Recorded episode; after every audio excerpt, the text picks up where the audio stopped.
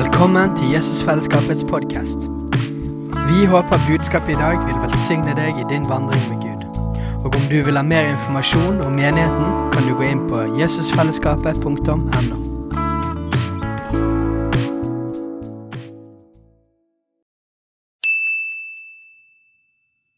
Hei!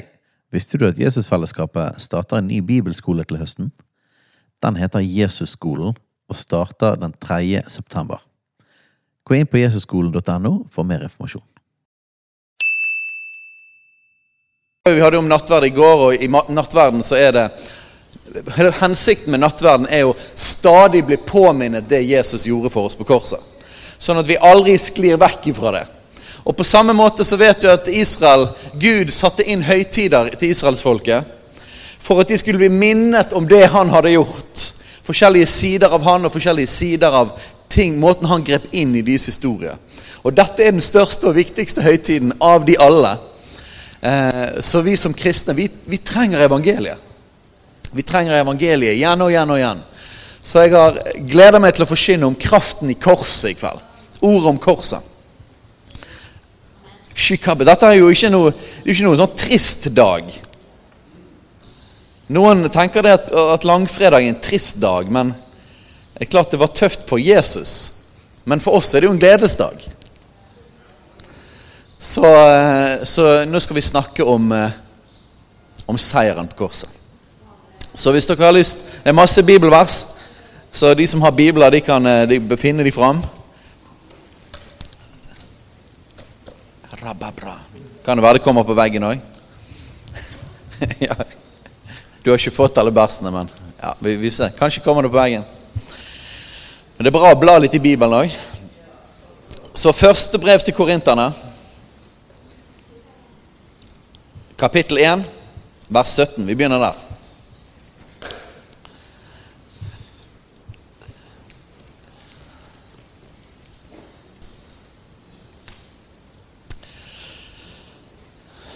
Første Korinterbrev, kapittel 1, vers 17 og videre. For Kristus har ikke utsendt meg for å døpe, men for å forkynne evangeliet, og det ikke med vise ord, for at ikke Kristi kors skulle tape sin kraft. For at Kristi kors ikke skulle tape sin kraft. Det betyr at det er en kraft i korset, ikke det? For ordet om korset, ordet om korset, er vel en dårskap for dem som går fortapt. Men for oss som blir frelst, er det en Guds kraft. Korset, det er jo, det er jo symbolet vårt, ikke det? Og det er jo et underlig symbol. Det er et drapsvåpen. Et torturredskap. Men vi har det rundt overalt. Her ser du det kors oppe der på vinduene. Men korset er det jo en, en dårskap. Det er jo en idioti for de som går fortapt. Men for oss er det Guds kraft. For det står skrevet Jeg vil ødelegge de vises visdom, og de forstandiges forstand vil jeg gjøre til intet. Hvor er en vismann? Hvor er en skriftlærd? Hvor er en forsker i denne verden? Har ikke Gud gjort verdens visdom til dårskap? For da verden ikke ved sin visdom kjente Gud i Guds visdom, fant Gud for godt å frelse dem som tror, ved forkynnelsesdårskap. For jøder krever tegn, og grekere søker visdom. Men vi forkynner Kristus korsfestet. Det er det vi gjør, ikke vi det? Vi trenger å gjøre det mer. Vi forkynner Kristus korsfestet. For jøder er dette et anstøt, og for hedninger en dårskap. Men for dem som er kalt, både jøder og grekere, forkynner vi, forkynner vi Kristus, Guds kraft og Guds visdom. For Guds dårskap er visere enn menneskene, og Guds svakhet er sterkere enn menneskene. Så når vi skal forkynne om korset i kveld, godt og grundig, så skal vi vite det at korset er Guds kraft. Det er Guds kraft til frelse for oss som blir frelst. Så korset er ikke et nederlagssted, det er et seierssted. Og jeg vet jeg har veldig tro på det, for på, vi skal fokusere på oppstandelse på søndag. Og oppstandelsen er òg veldig kraftfullt. Men noen snakker om det at, at liksom, langfredag er det litt sånn, sånn nederlag og tap, og så er det seier på, på søndag. Men evangeliet er enda bedre enn det. For evangeliet er faktisk sånn at fredag er seier, og søndag er seier. For Guds ord sier det at korset er Guds kraft, korset er seier. Så dette er ikke en nederlagsdag, det er en seiersdag. Djevelen trodde at det kom til å bli et nederlag. Men Guds plan var seier helt fra starten av. Vi vet jo det til og med fra det tidspunktet der Adam og Eva falt i synd, så var det allerede en plan. Var ikke det? Gud sa det til Eva at uh, slangen skal bite deg i hælen, men du skal knuse slangens hode. Og det er korset. Så vi forkynner korset. Det skulle ikke tape sin kraft. For ordet om korset det er en dårskap for den som går fortapt, men for oss som blir frelst, er det en Guds kraft. Ok. Jeg har lyst til å gå inn i Nå skal vi gjøre det sånn som i gamle dager. Jeg vet ikke om dere er vant med det. Jeg er vokst opp i bedehuset. Og i, i bedehuset der forkynte man lov og evangelium. Og jeg tror fortsatt det er en bra ting. Eh, så vi skal begynne i loven, folkens. Så vi kan, Jeg elsker dette, jeg elsker dette kapitlet. Det er Romane 3. Og, og eh, oh, shikababra. Folkens, det er ekstremt viktig at vi forkynner Guds godhet, Guds kjærlighet, seieren, hva han har vunnet for oss, hva som er konsekvensene av korset, at vi ikke lever før korset, men etter korset. Men noen tror det at det er farlig å forkynne om synd. Jeg har aldri forstått det. Helt fra jeg var liten, så har jeg aldri syntes det var rart. Noen syns at vi må tone ned og snakke om synd fordi at det tynger oss ned. Men evangeliet er nemlig sånn at det er nettopp pga. syndens alvorlighet at korset er gode nyheter. Så hvis vi skal få fatt i kraften i korset, kraften i evangeliet, de gode nyhetene i evangeliet, så må vi òg først få de dårlige nyhetene. Så istedenfor å drive og pynte på ting eller koste ting under teppet og late som Evangeliet er ikke det at Gud latet som at alt var greit. Evangeliet er ikke, er ikke at Gud sa det at Nei, ok, vi, vi, vi ser bort ifra disse tingene her. Guds kjærlighet er ikke på tross av Guds kjærlighet er ikke en motsetning til budskapet om synd. Guds kjærlighet blir tydelig nettopp pga. alvorligheten i synd. Og I Romane 3 så står det helt fantastisk. Dette er så oppmuntrende. Jeg husker når jeg reiste rundt på skoler, og så skulle, skulle vi ha skoletimer. da. Og så skulle vi dele om hva den kristne tro for noe. Og så gjorde det skikkelig gammeldags, sånn som gamle vekkelsesforkynnere, og forkynte kraftig om synd og elendigheten og håpløsheten for hvert eneste menneske. Sånn at alle elevene ble helt De forsto ingenting. Fordi at de trodde jo det at budskapet, at evangeliet, handlet om å gjøre så godt du kunne. Og hvis du var flink nok, så kom du til himmelen. Men hvis ikke vi er tydelige på å forkynne om synd, såpass tydelig at folk skjønner at det er ingen mulighet, så kan vi heller ikke forkynne evangeliet ordentlig. Vi forstår ikke hva som er gode nyheter, før vi har skjønt hva som er de dårlige nyhetene. Og det er lov av evangeliet. Forkynne synd og nåde. Og Romerbrevet kapittel 3 er jo fantastisk på å forkynne elendigheten først. Er dere klar for det? Tåler dere det? Kapittel 3, vers 9. Hva da? Har vi noe fortrinn? Nei, slett ikke. Vi har jo allerede anklaget både jøder og grekere for at de alle er under synd. Er det noen jøder eller grekere her? Nei, men vi går under samlebetegnelsen greker, ok? Det er hedningene. Så her gjelder òg nordmenn og til og med engelskmenn. Til og med svensker. Vet du, Er det noen svensker her?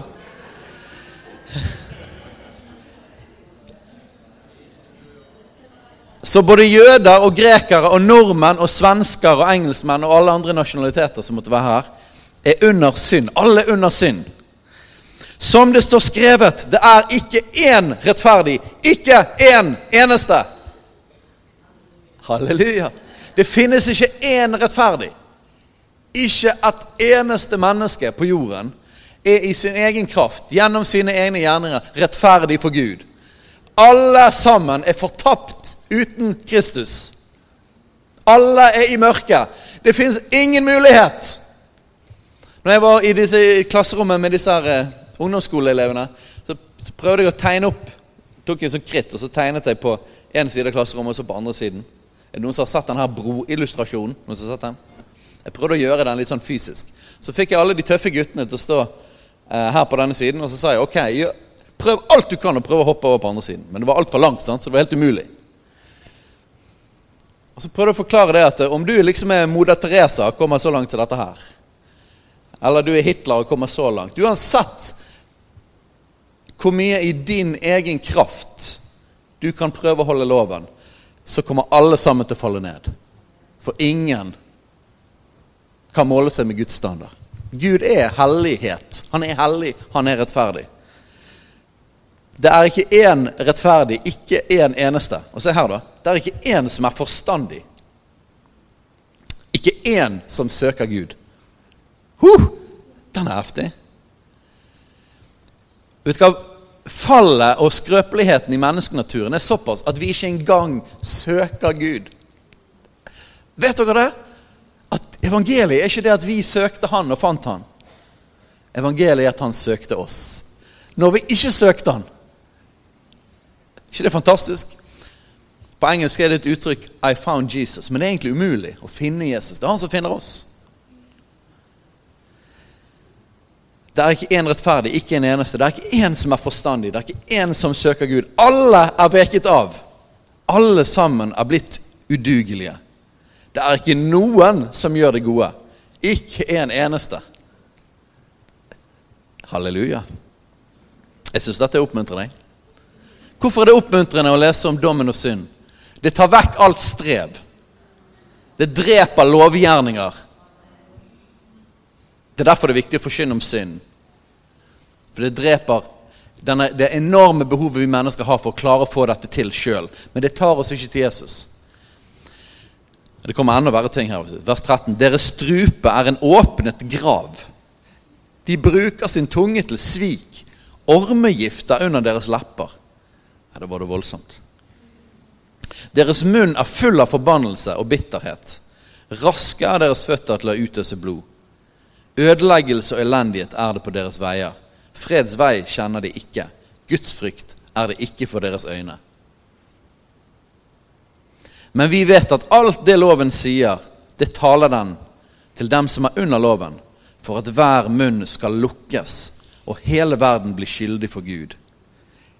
Hele verden blir skyldig for Gud. Derfor blir intet kjød rettferdiggjort for ham ved lovgjerninger. For ved loven kommer erkjennelse av synd. Hensikten med loven og grunnen til at det er så viktig å forkynne om synd, er det at gjennom loven kommer erkjennelse.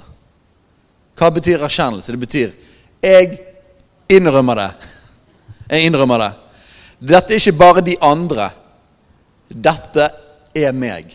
Hvis vi ser dypest inn i menneskenaturen sånn at Vi må huske at her er de fleste født på ny òg, så vi har fått en ny natur. Men vi kommer til det. Men hvis du ser dypt inn i menneskenaturen, så ser vi at dette er faktisk ikke alle de andre. Dette er meg. Potensialet for ondskap ligger i absolutt alle mennesker. Det er ikke bare Putin eller soldater som er i Ukraina nå. Hvert eneste menneske Putter det oss i, i, i, vanskeligere omstendigheter, så tar det ikke lang tid før enorm ondskap kan komme ut av hver eneste en av oss. Uten Jesus. Hensikten med loven er å ta oss til et sted der vi ser det. vet du hva? Jeg får det ikke til sjøl. Hensikten med loven er å drepe alle driv til å finne frelse gjennom egne gjerninger. Og det er frihet! Hensikten med loven er å ta oss til det stedet og si at jeg innrømmer det. Jeg får det ikke til. Jeg kapitulerer. Jeg gir opp. Jeg vil ikke prøve engang. Men jeg ser det nå. For Den hellige ånd han åpenbarer synd. Så han viser oss at dette er vår tilstand i oss sjøl. Og hvorfor vil loven ha oss til det stedet? Jo, for dette er det eneste stedet der vi kan forstå korset og evangeliet.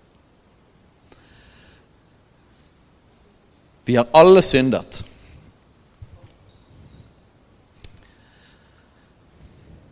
Neste vers. Men nå er Guds rettferdighet, som loven og profetene vitner om, blitt åpenbaret uten loven. Det er Guds rettferdighet ved tro på Jesus Kristus til alle og over alle som tror. For det er ingen forskjell. Ingen forskjell. Alle har syndet og står uten ære for Gud. Alle har syndet og står uten ære for Gud. Jeg syns dette er de mest oppmuntrende versene i hele Bibelen.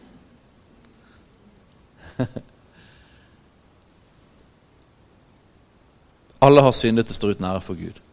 Og de blir rettferdiggjort uforskyldt, ufortjent, av Hans nåde ved forløsningen i Kristus Jesus. Ufortjent. Alle har syndet og står uten ære for Gud. Halleluja.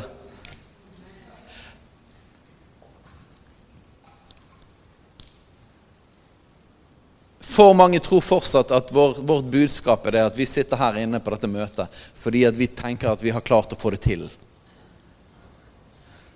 Fordi at vi har, vi har klart å disiplinere oss så hardt at vi har blitt snille og er så kjærlige med mennesker at vi føler oss verdige til å gå inn i en kirkebygning og være på et møte. Det er en løgn fra helvete. Det er ikke evangeliet. Evangeliet er det at vi har forstått, kanskje mer enn noen, at vi ikke kan få det til. Vi har ingen mulighet i oss sjøl. Ingen mulighet gjennom våre egne gjerninger. Vi kan ikke få rettferdighet gjennom vår egen disiplin, gjennom vår egen fromhet.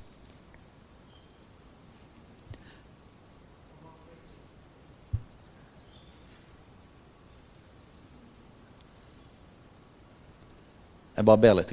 Hellige Ånd, jeg ber om at, eh, at du skal avsløre egen rettferdighet i oss.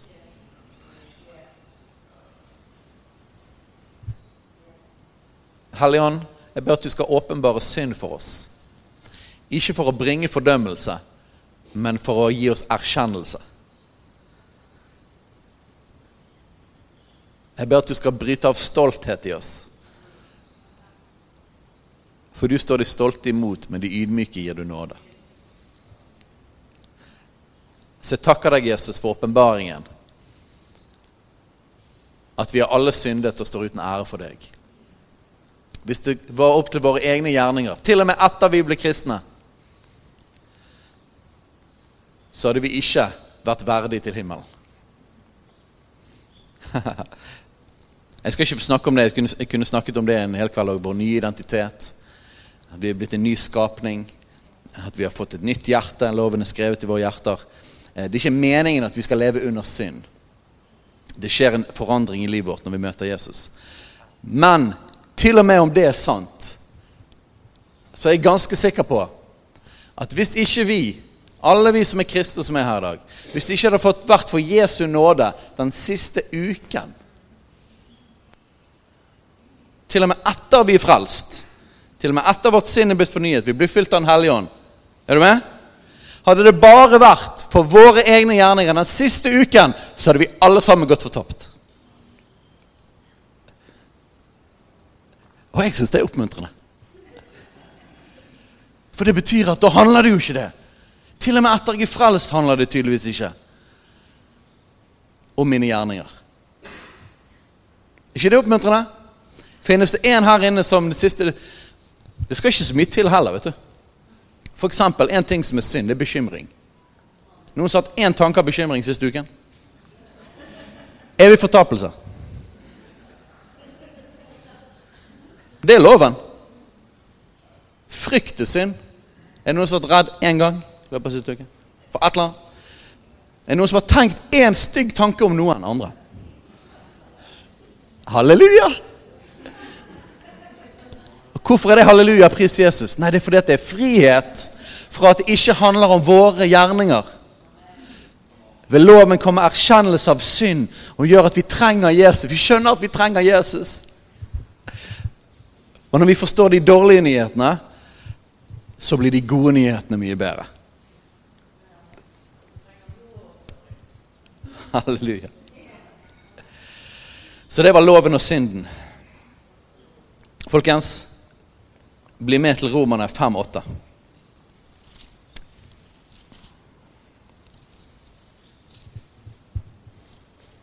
Det som er så oppmuntrende, det er at eh, mens vi ennå var syndere, så hadde Gud en plan helt på tross av oss. Helt uavhengig av oss. Helt uavhengig av vår søken etter Han. Så hadde Han en plan. Evangeliet, de gode nyhetene, korset, det var ikke vår idé, det var hans idé. Korset var ikke svar på at vi ropte til han og sa 'please, gjør noe for oss'. Han la allerede planen. Helt uavhengig av oss. Mens vi ennå ikke søkte han. Romerbrevet kapittel 5 vers 8. Men Gud viser sin kjærlighet til oss ved at Kristus døde for oss mens vi ennå var syndere. Korset er enormt ufortjent, fordi vi ba ikke om det engang. Det eneste vi men som menneskehet Og her er vi i samme båt alle sammen. Det eneste vi gjorde, var å ikke søke han, sånn som alle de andre. Ikke være interessert i han. Og så lagde han en plan. Men Gud viser sin kjærlighet til oss ved at Kristus døde for oss mens vi ennå var syndere. Så her ser vi at drivkraften bak evangeliet, det er Gud sjøl, ikke det? Og så er Fesane kapittel 1.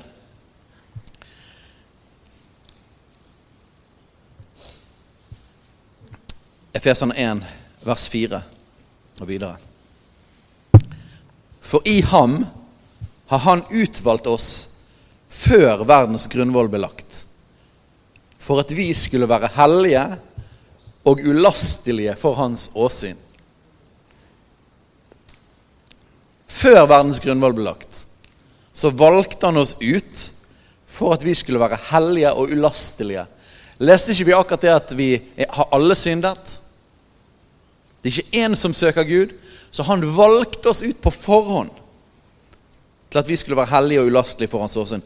I kjærlighet har han forutbestemt oss til å få barnekår hos seg ved Jesus Kristus etter sin frie viljes råd.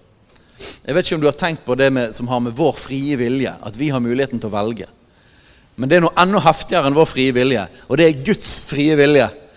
Gud kunne valgt at vi fortsatt skulle være i vår synd. Men han valgte helt fritt. Det var ingen som kunne tvinge han til det. Han valgte helt fritt at vi skulle få barnekår gjennom Jesus Kristus.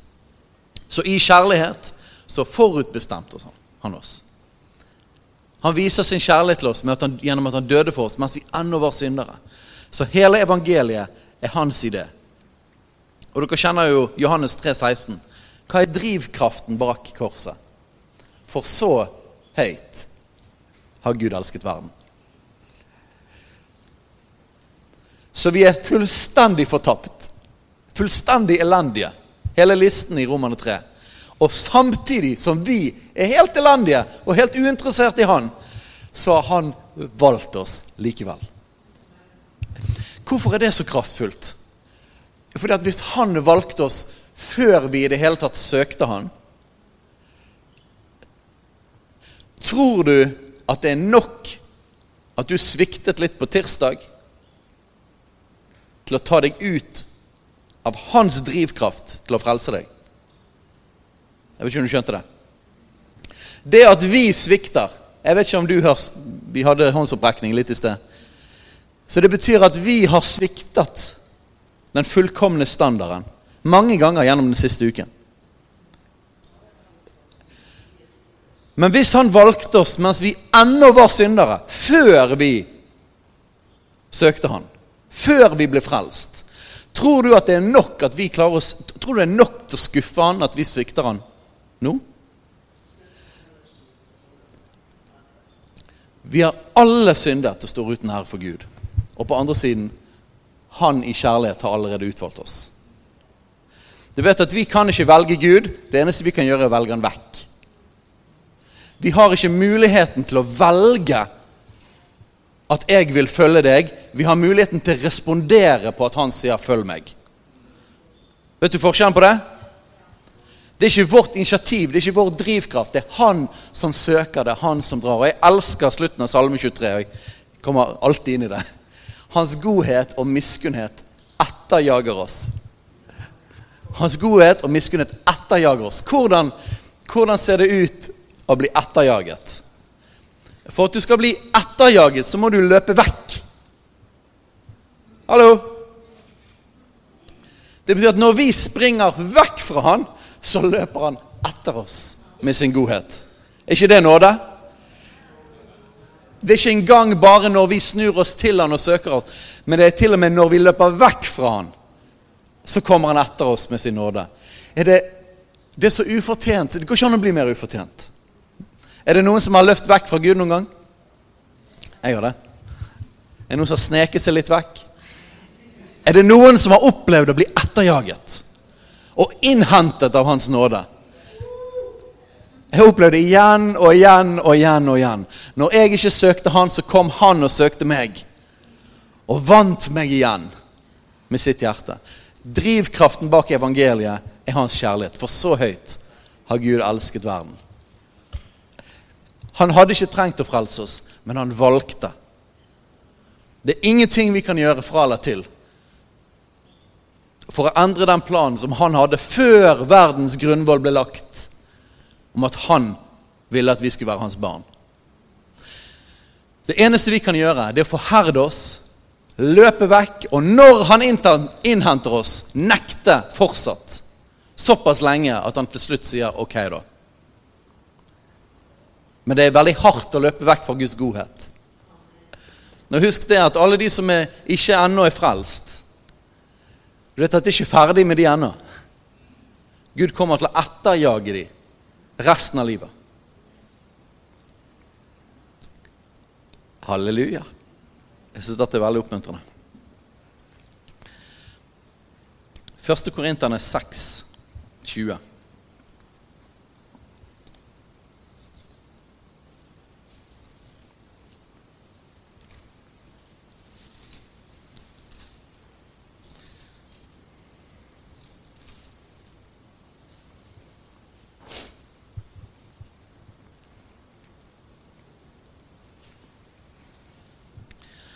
Husk det at vi er dyrt kjøpt.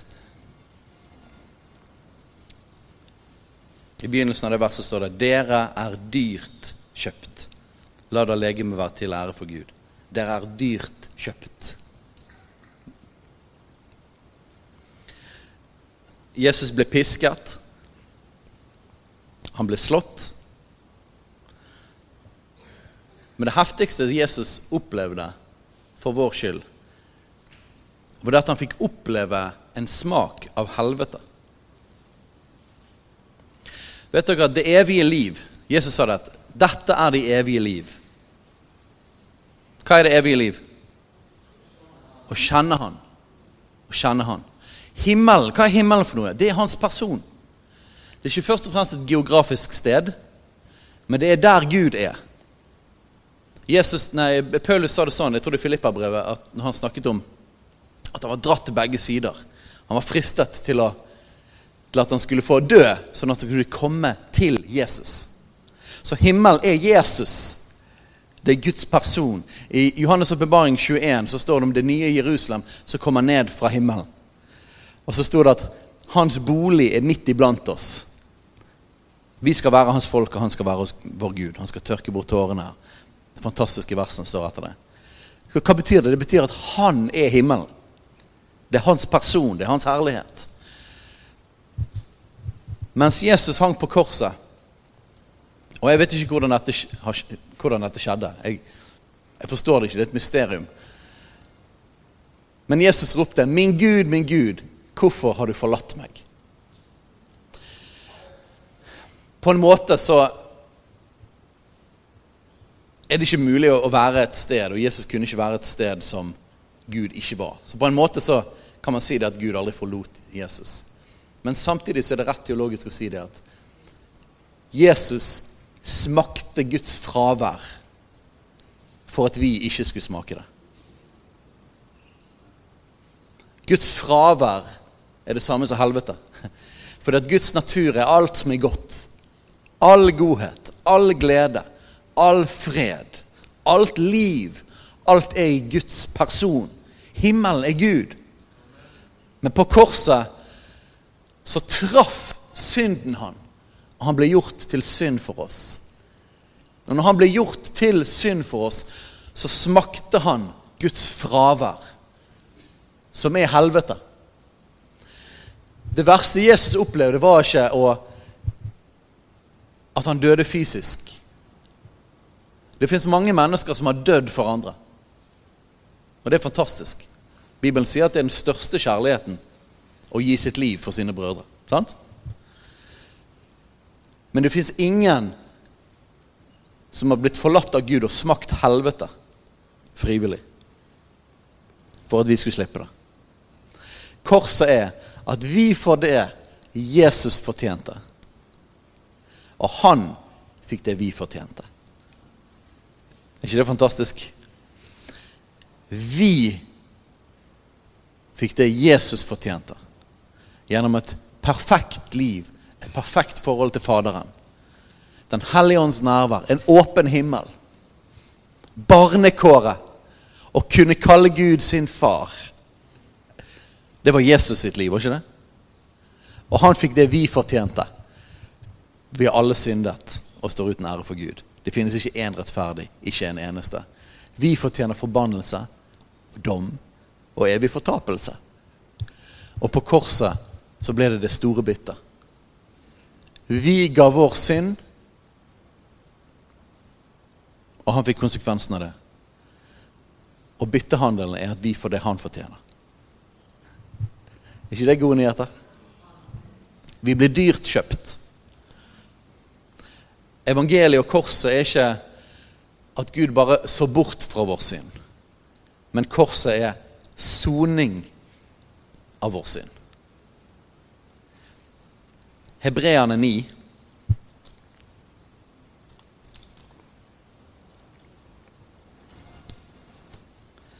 vers 26. Her snakker han masse om ypperste presten og ofringene. Vi kommer midt inn i det. I så fall måtte han ha litt mange ganger fra verden bli grunnlagt. Men nå er han blitt åpenbaret én gang ved tidenes ende for å bortta synden ved sitt offer. Og like som det er menneskens lodd én gang å dø og deretter dom, så skal òg Kristus, etter å være ofret én gang for å bortta mange synder, en annen gang bli åpenbaret. Så én gang ble han ofret for å bortta synden. All synd gjort i all fortid og i all fremtid fra alle mennesker i historien. Hvert eneste ord, hver eneste tanke, hvert eneste opprør i vårt hjerte. Og Den største synd, den mest grunnleggende synd, det er at vi ikke vil. Vi vil ikke ha noe med han å gjøre. At vi vil gå vår egen vei. Én gang for alle, én gang på korset, så traff all synd han. For at vi for alltid skulle slippe konsekvensen av synd. Det er gode nyheter. Vi er dyrt kjøpt, og han sonet synden. Tre vers til. Kolossene 2. Katrine nevnte det i går, men vi må ta det igjen i dag.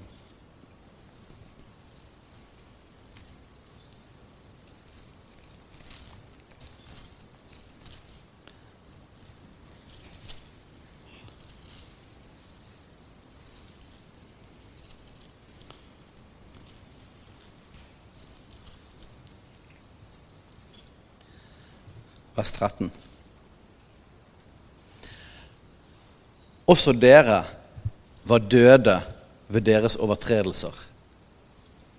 Det er det samme igjen, ikke? Vi var døde i våre overtredelser og uomskårne kjød. Men Gud gjorde dere levende sammen med Kristus idet han ga idet han tilga oss alle våre overtredelser. Hva er det som gjør oss levende?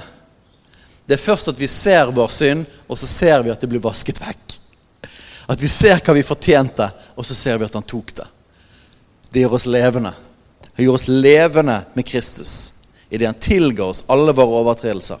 Han utslettet skyldbrevet mot oss.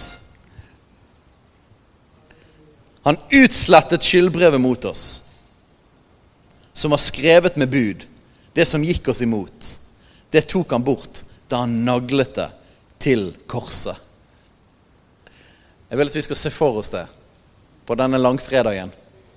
Mange, mange, mange år etter Jesus gjorde dette for oss. Men jeg har lyst til at vi skal ta imot det i tro. Takk, Jesus. Takk, Hellige Ånd, for at du åpenbarer synd. Ikke for at vi skal begrave oss i vår synd, men for at vi skal kunne komme til Jesus. Og sånn at alt kan være på dette her skyldbrevet. Jeg vil ikke ha noen ting igjen. Jeg vil ikke ha en liten bit igjen av det. Jeg vil ikke holde på noe som helst av det. Hele skyldbrevet. Se for deg. Alle dine tanker, all synd.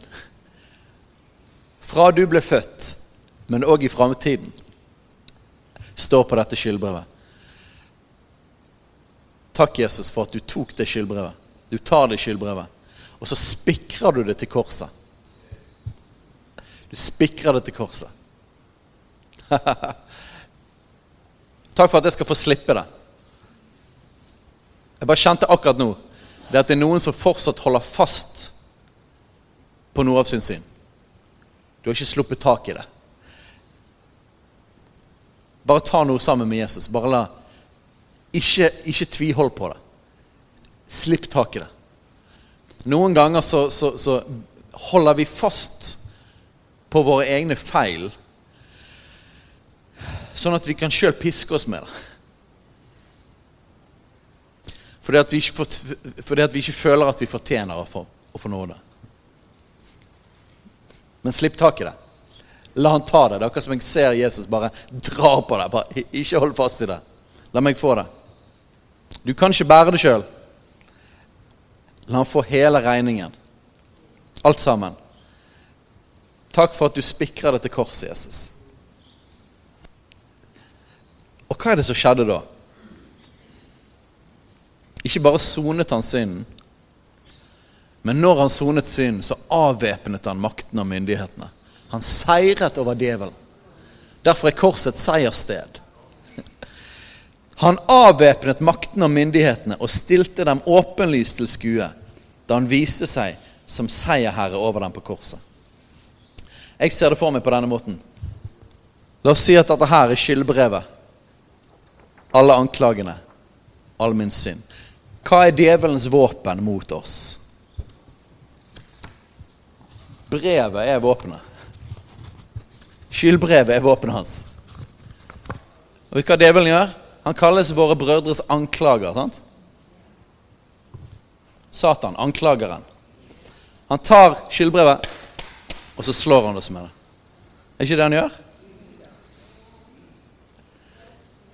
Så anklagene er skyldbrevet. Anklagene er våpenet. Skyldbrevet er djevelens våpen. Men han tok skyldbrevet ut av djevelens hender og ut av våre hender. Spikret det til korset, og dermed avvæpnet han djevelen. Det betyr at ingen djevel, ingen demon, ingen makt og myndighet har makt lenger til å anklage så lenge det skyldbrevet blir tatt ut av hendene hans. Det ligger på Jesus. Det er sonet av Jesus. I Jesu Kristi navn så bryter jeg djevelens makt på grunn av synd over hvert ene, hver eneste en av oss. Vi avslører deg, anklager. Hva er forskjell på anklageren og Den hellige ånd som åpenbarer synd? Den hellige ånd åpenbarer synd for å ta oss til Jesus. Anklageren han anklager oss om synd for å holde oss vekke fra Jesus. På frukten skal du kjenne det. Så hvis du stikker i hjertet, sånn at du vil vende om og komme til Jesus, det er Den hellige ånd. Hvis du bare kjenner en svart sky og en sånn tyngde over deg som vil holde deg vekke fra Jesus, så kan du vite at det er en demon. Det er en ånd. Det er anklageren. Takk, Jesus, for at du tok skyldbrevet, og du reiv våpenet ut av djevelens hender.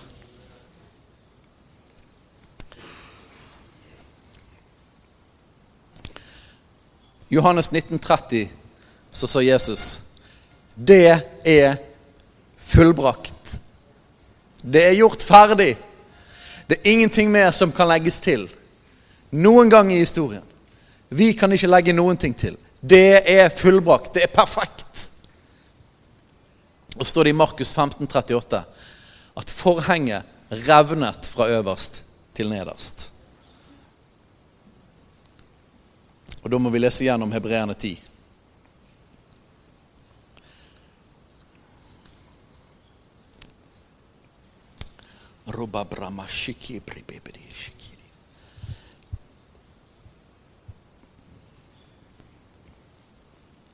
Hebreerne 10 begynner i vers 12.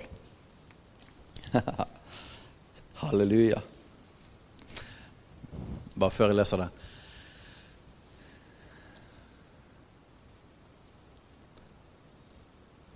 En av de tingene som jeg syns er spesielt at, at vi som Jesusfellesskap har fått lov til å flytte inn her i evangeliekirken, sammen med evangeliekirken, eh, det er det at dette er et sted der evangeliet har blitt forsynt i 100 år. Det er et eller annet med det. Et sted der et helt eh, 100 år har evangeliet blitt forsynt på dette stedet. Og evangeliet skal fortsette å bli forsynt fra dette stedet, helt til Jesus kommer tilbake. Derfor er det privilegium å forsyne om korset akkurat på dette stedet her. Hebreerne 10, vers 12. Men Jesus har båret fram ett eneste offer for synder, og har deretter for alltid satt seg ved Guds høyre hånd. Nå venter han bare på at hans fiender skal bli lagt til skammel for hans føtter. For med ett offer har han for alltid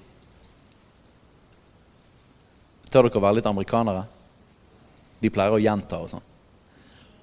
Klarer dere å si 'for alltid'? For alltid. En gang til. Alltid. Med ett offer har han for alltid. Det gjelder altså framtiden din òg, ikke det? Det gjelder i morgen, neste uke For alltid. For alltid. Med mindre du jobber ekstremt hardt for å forherde ditt hjerte og gå vekk fra han til og med etter at han etterjager deg med sin godhet. Det er mulig. Men da må vi hoppe ut av det veldig aktivt. Men dette har han gjort for alltid. Han har for alltid gjort oss fullkomne. Vet du hva det betyr på godt norsk? Perfekt. Han har for alltid gjort oss perfekt. For alltid gjort oss perfekt. Er du perfekt? Og det som kommer opp når, alltid når jeg leser det verset der, det som kommer opp, er all vår ufullkommenhet. Ja, men jeg er jo ikke perfekt. Men vi snakker ikke om å være perfekt i oss sjøl, gjør vi det?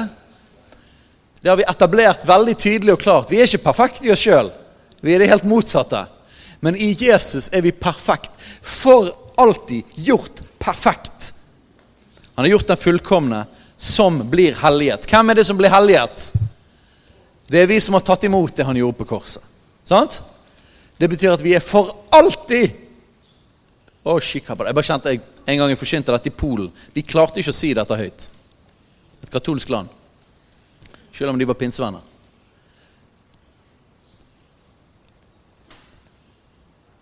Jeg er perfekt i Jesus. Han har gjort meg fullkommen. Og all skam som måtte komme opp av at vi i vår egen kraft ikke klarer å være fullkommen. Husk at alt det ble lagt på Jesus. Det står på skyldbrevet allerede. det. Men det skyldbrevet har vi ikke lenger. Har vi det? Han tok det der skyldbrevet, han naglet det til korset. Djevelen er avvæpnet. Han får ikke lov til å bruke det lenger. Det betyr at i Jesus så er gjort fullkommen, perfekt. Jeg er blitt helliget. Ok, Klarer dere enda et nivå av dette? For Det nesten, det virker nesten som det vrangler. men det er, det er ikke det. Det er veldig bibelsk. Vi ble helliget, står det. Hvor hellige da? Like hellig som Gud. Det går ikke an å bli gjort mindre hellig enn Gud og stå foran Gud. Fortjener vi det? Nei. Men vi er blitt like, gjort like hellige som Gud. På korset så byttet han det vi fortjente, med det han fortjente. Så vår stilling foran Gud er den samme som Jesus foran Faderen. Er ikke det gode nyheter? Det vitner også Den hellige ånd for oss, for etter det han har sagt. Dette er den pakt jeg vil opprette med dem etter disse dager. Så sier Herren, jeg vil gi mine lover i deres hjerter og skrive dem i deres sinn.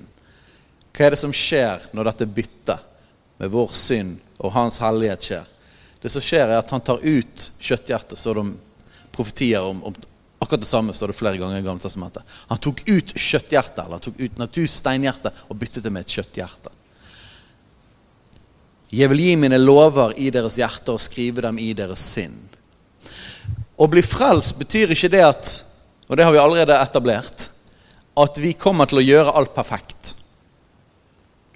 Men å bli frelst betyr at vi har fått en ny identitet. Vi er nå fullkommen, perfekte, uanklagelige. Og vi har òg fått en ny ånd. Det er ikke alltid vi handler på det. Men hvis vi er blitt født på ny, så har vi fått noe helt nytt grunnleggende. Nå ønsker vi å følge Han. Er ikke det riktig? Så han gjorde en hjertetransplantasjon i oss når vi tok imot det han gjorde på korset. Han tok ut det syndige hjertet, satt inn et nytt hjerte. Vi har fortsatt mulighet til å falle, vi har fortsatt mulighet til å feile. Men nå kommer det ikke til å være gøy lenger. Fordi at Den hellige ånd bor nå inni oss, og loven er nå inni oss. Som gjør det at når vi feiler eller faller, så det er ikke sånn at Den hellige ånd må komme liksom, ta bussen helt fra himmelen ned til oss og så komme en beskjed. Hei, det var ikke smart. Men Den hellige ånd har bor inni der, så du merker det umiddelbart. Det var, hei, det var ikke min natur. Er ikke det riktig? Vi kan synde, men det er ikke gøy lenger. Synden fører til død uansett. Det gjør det òg for alle som ikke er frelst. Men man kan ha en midlertidig nytelse av synd. Men den er veldig veldig kort for en som er født på ny. For Den hellige ånd bor i oss. Nå er det Den indre drivkraften er vår nye natur. Og deres synder og deres overtredelser vil jeg ikke mer komme i hu. Han vil ikke huske de mer. Der det er forlatelse, tilgivelse, altså, for syndene, trengs det ikke lenger noe offer for synd. Vi må slutte å ofre for vår synd. Er det noen som har prøvd å ofre for sin synd? Vi prøver å piske oss sjøl. Ikke vi det?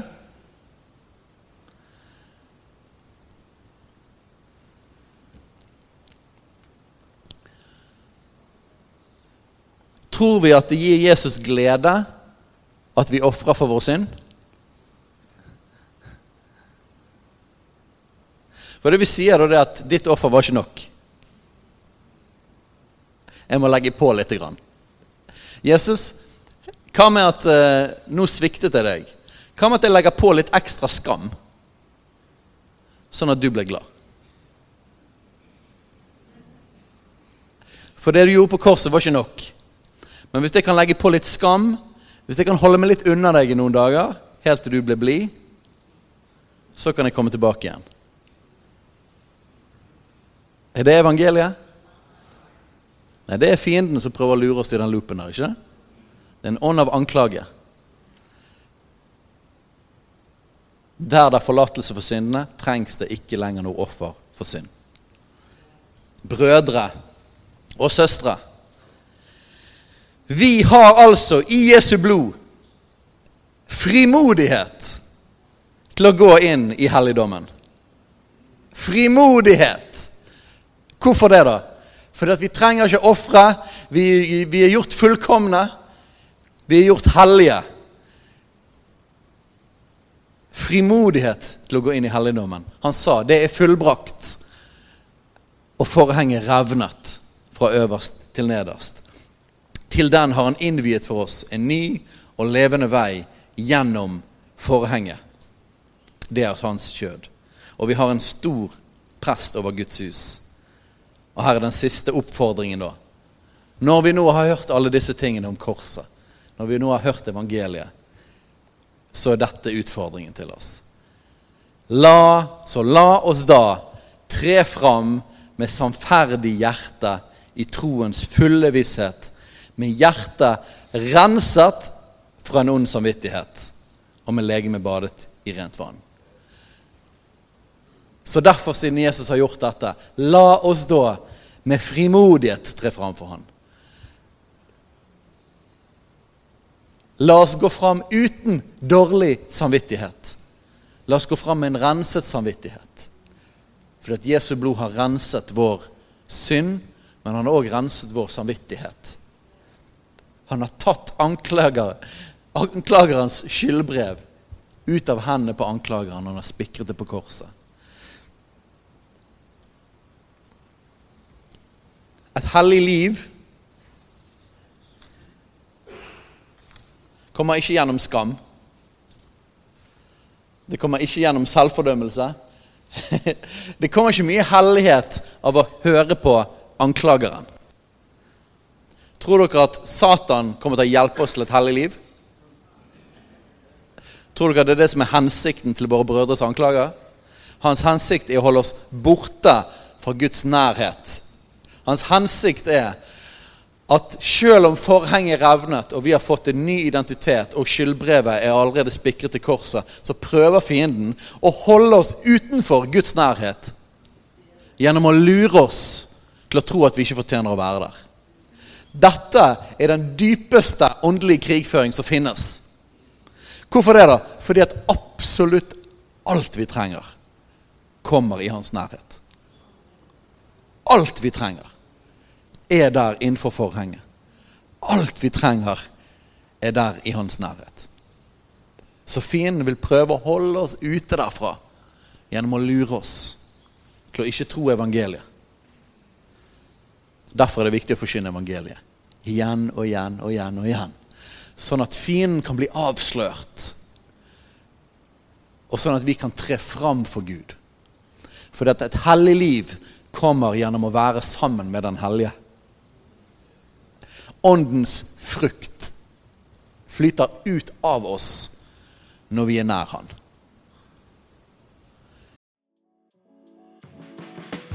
Hei, alle sammen. Det er Katrine og Steinar Lofnes her. Vi er hovedledere for Jesusfellesskapet. Så kjekt du har lyttet til denne podkasten. Har du forresten hørt noen av de andre podkastene våre? Ukens tale, Disippelskolen, Hyrdepodden, Kulturkrigen og Mammas hjerte. Du finner disse podkastene på Spotify, Apple Podkaster og på nettsiden vår jesusfellesskapet.no.